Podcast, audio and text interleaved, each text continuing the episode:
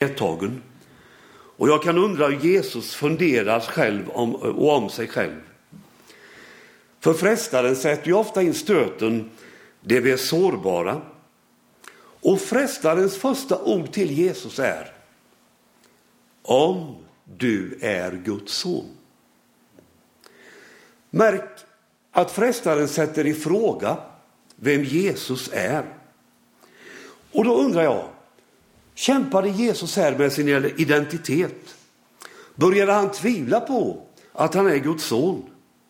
Var det en av hans svaga punkter nu? Och så sätter frestaren in sin stöt där och sätter i fråga om du är Guds son. Jag tänker att Jesus känner igen det mönstret av ifrågasättande. För det är inte första gången frestaren sätter i fråga.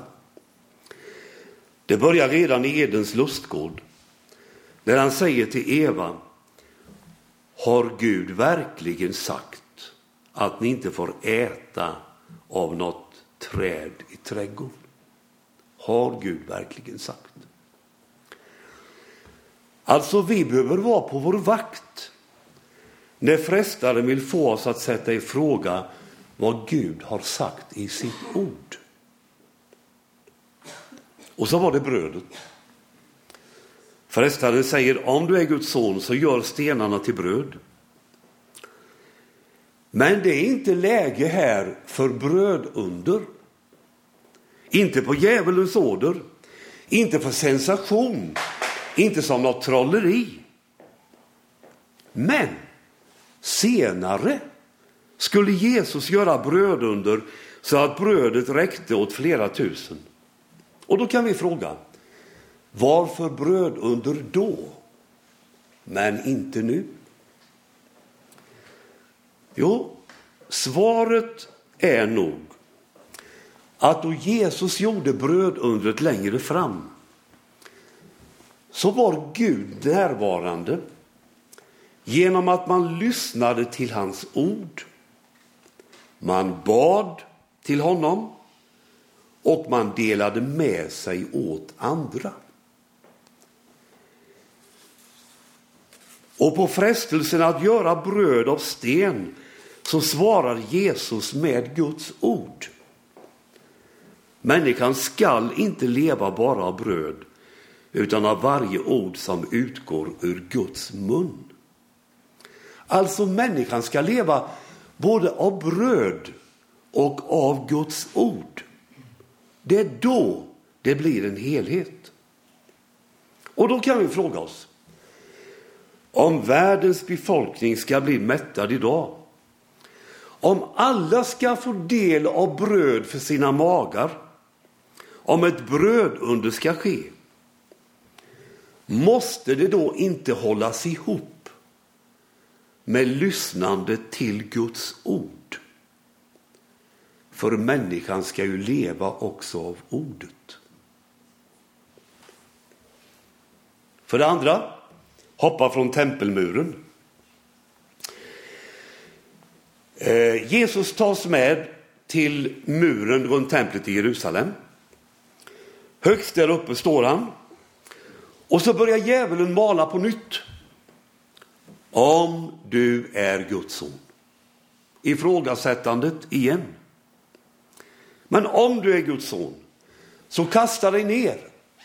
Det står ju skrivet och så citerar djävulen ord ur Psaltaren 91. Ord om att Gud ska beskydda. Djävulen uppträder som någon säger som teolog. Det låter bra. Men han vill få Jesus och oss in i fällan. Han är en luring. Va? Men vad handlar den här frestelsen om egentligen?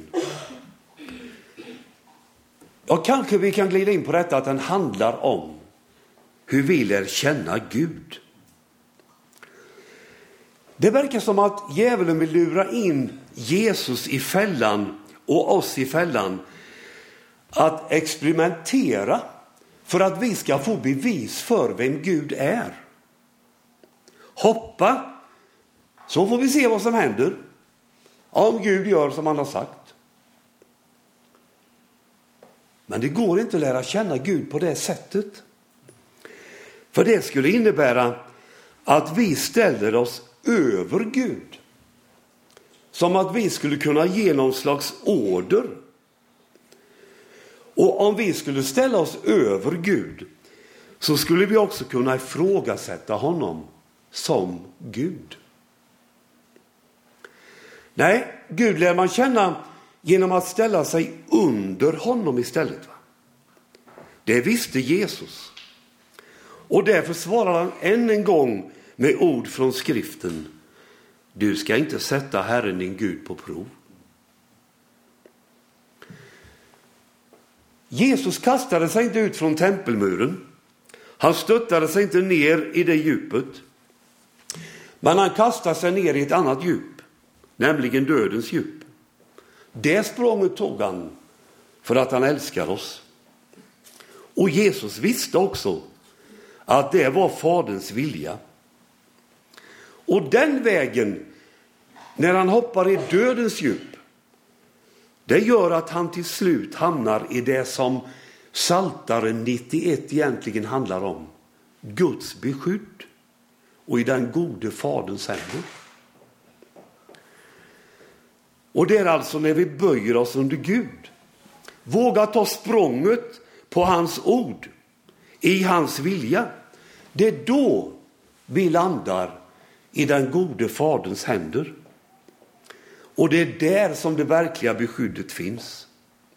Och det beskyddet det finns där, även om det finns ett brådjup av svårigheter och elände.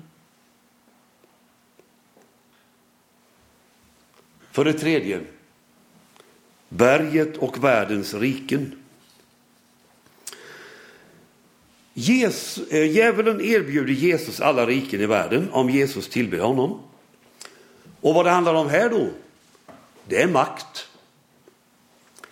Och då kan vi ju fråga, men var inte det målet för Jesus?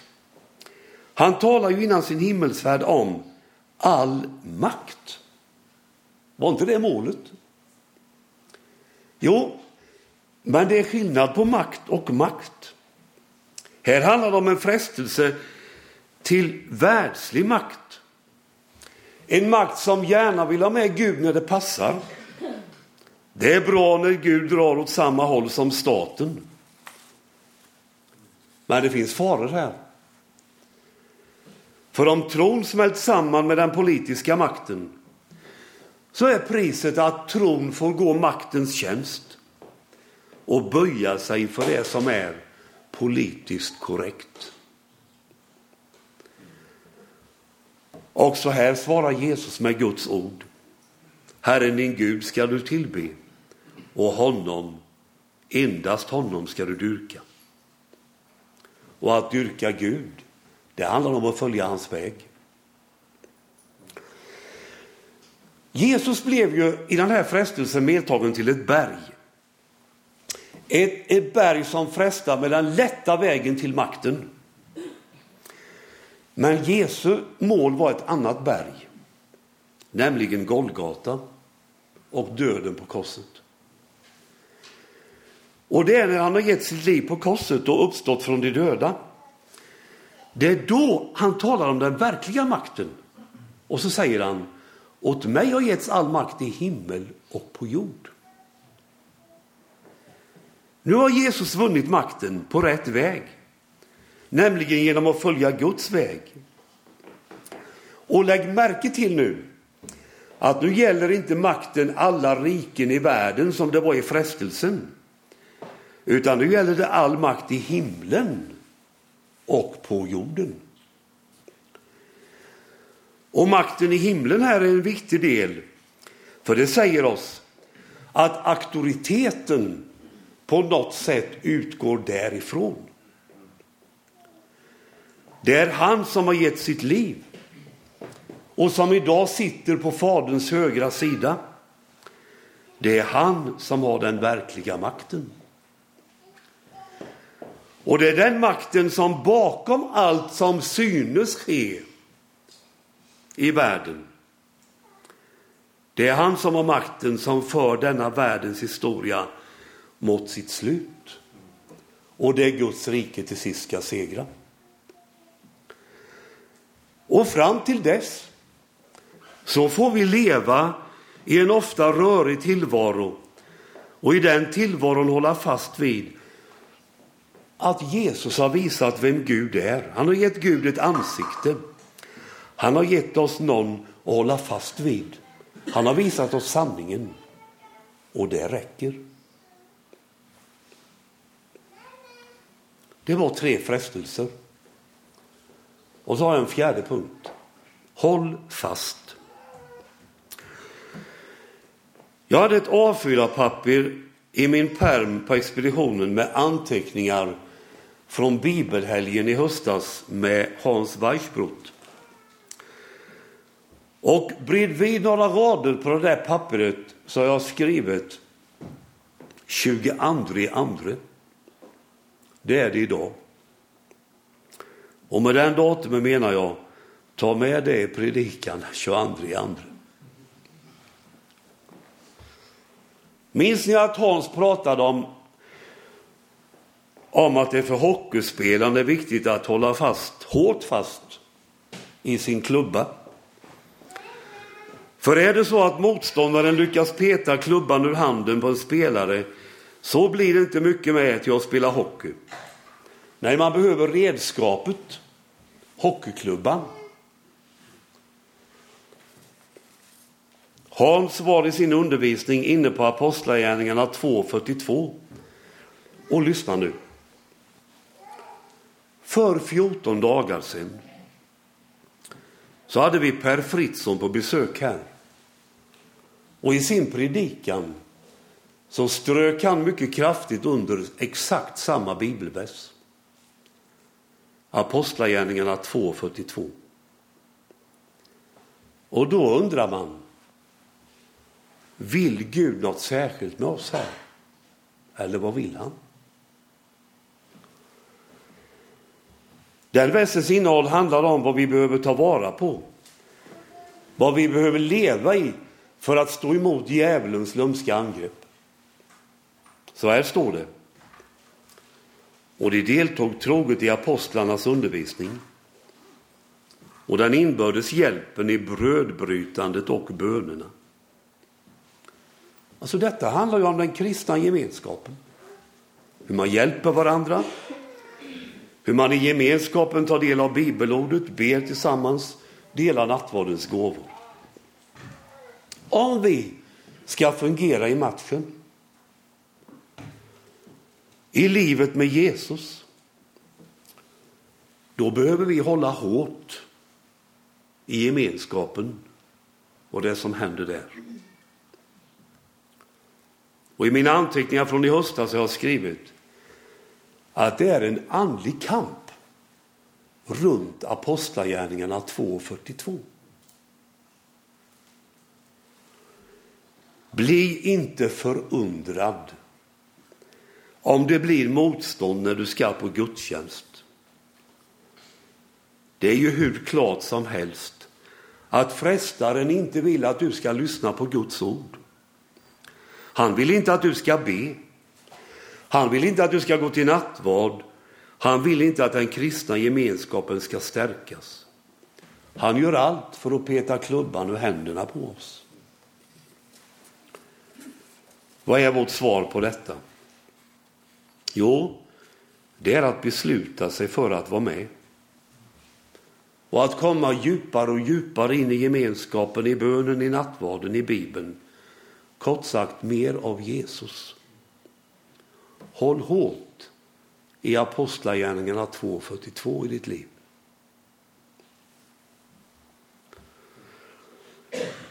När Jesus frestades då avväpnade han frestaren genom att citera Bibeln. Och då tänker jag att just det mönstret måste vara en, både en uppmuntran och en uppmaning till oss att mata oss med Guds ord. Att mata vårt inre med Bibeln så vi kan göra som Jesus. Och den matningen sker i gudstjänsten och i den egna bibelläsningen.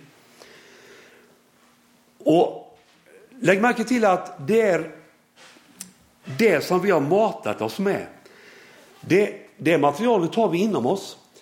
Och det är det materialet som den heliga ande sen kan plocka upp och påminna oss om när vi hamnar i frestelser.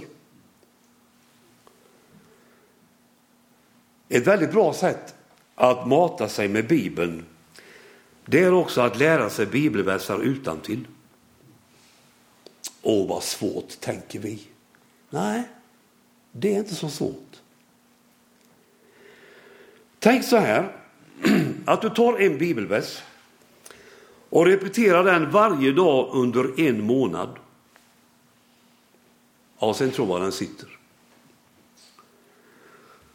Då kanske du tänker nu, ja men en vers i månaden, då kommer man ingenstans. Ja, men som alltid när det gäller sådana här saker, spänn inte bågen för hårt. Kyrkofäderna de sa att allt vad överdrifter heter, det kommer från demonerna. Det kan man tänka på. Alltså spänn inte bågen för hårt. Ta en bibelvers per månad. Om du håller på så ett år så har du 12 bibelversar du kan utan till. Och om du håller på i två år så har du 24 bibelversar du kan utan till. Och två år, det, det säger vi ibland, det går ju på ett nafs. Liksom. Ja, vad jag vill komma åt det är detta. Vi kanske behöver återerövra, tror jag, detta att lära oss bibelverser utan till. Att memorera Bibeln. Bibeln är Guds ord. Livets ord, livets bröd. Det är levande. Det gör något med oss. Det förändrar och förvandlar våra liv. Och vi har ett vapen som kan stå emot djävulen när han kommer och vill lura oss. Han är en riktig luring, men Gud har gett oss saker som gör det möjligt att stå emot. Håll fast vid dem hårt genom att bruka dem. Herre, helga oss genom sanningen. Ditt ord är sanning. Amen.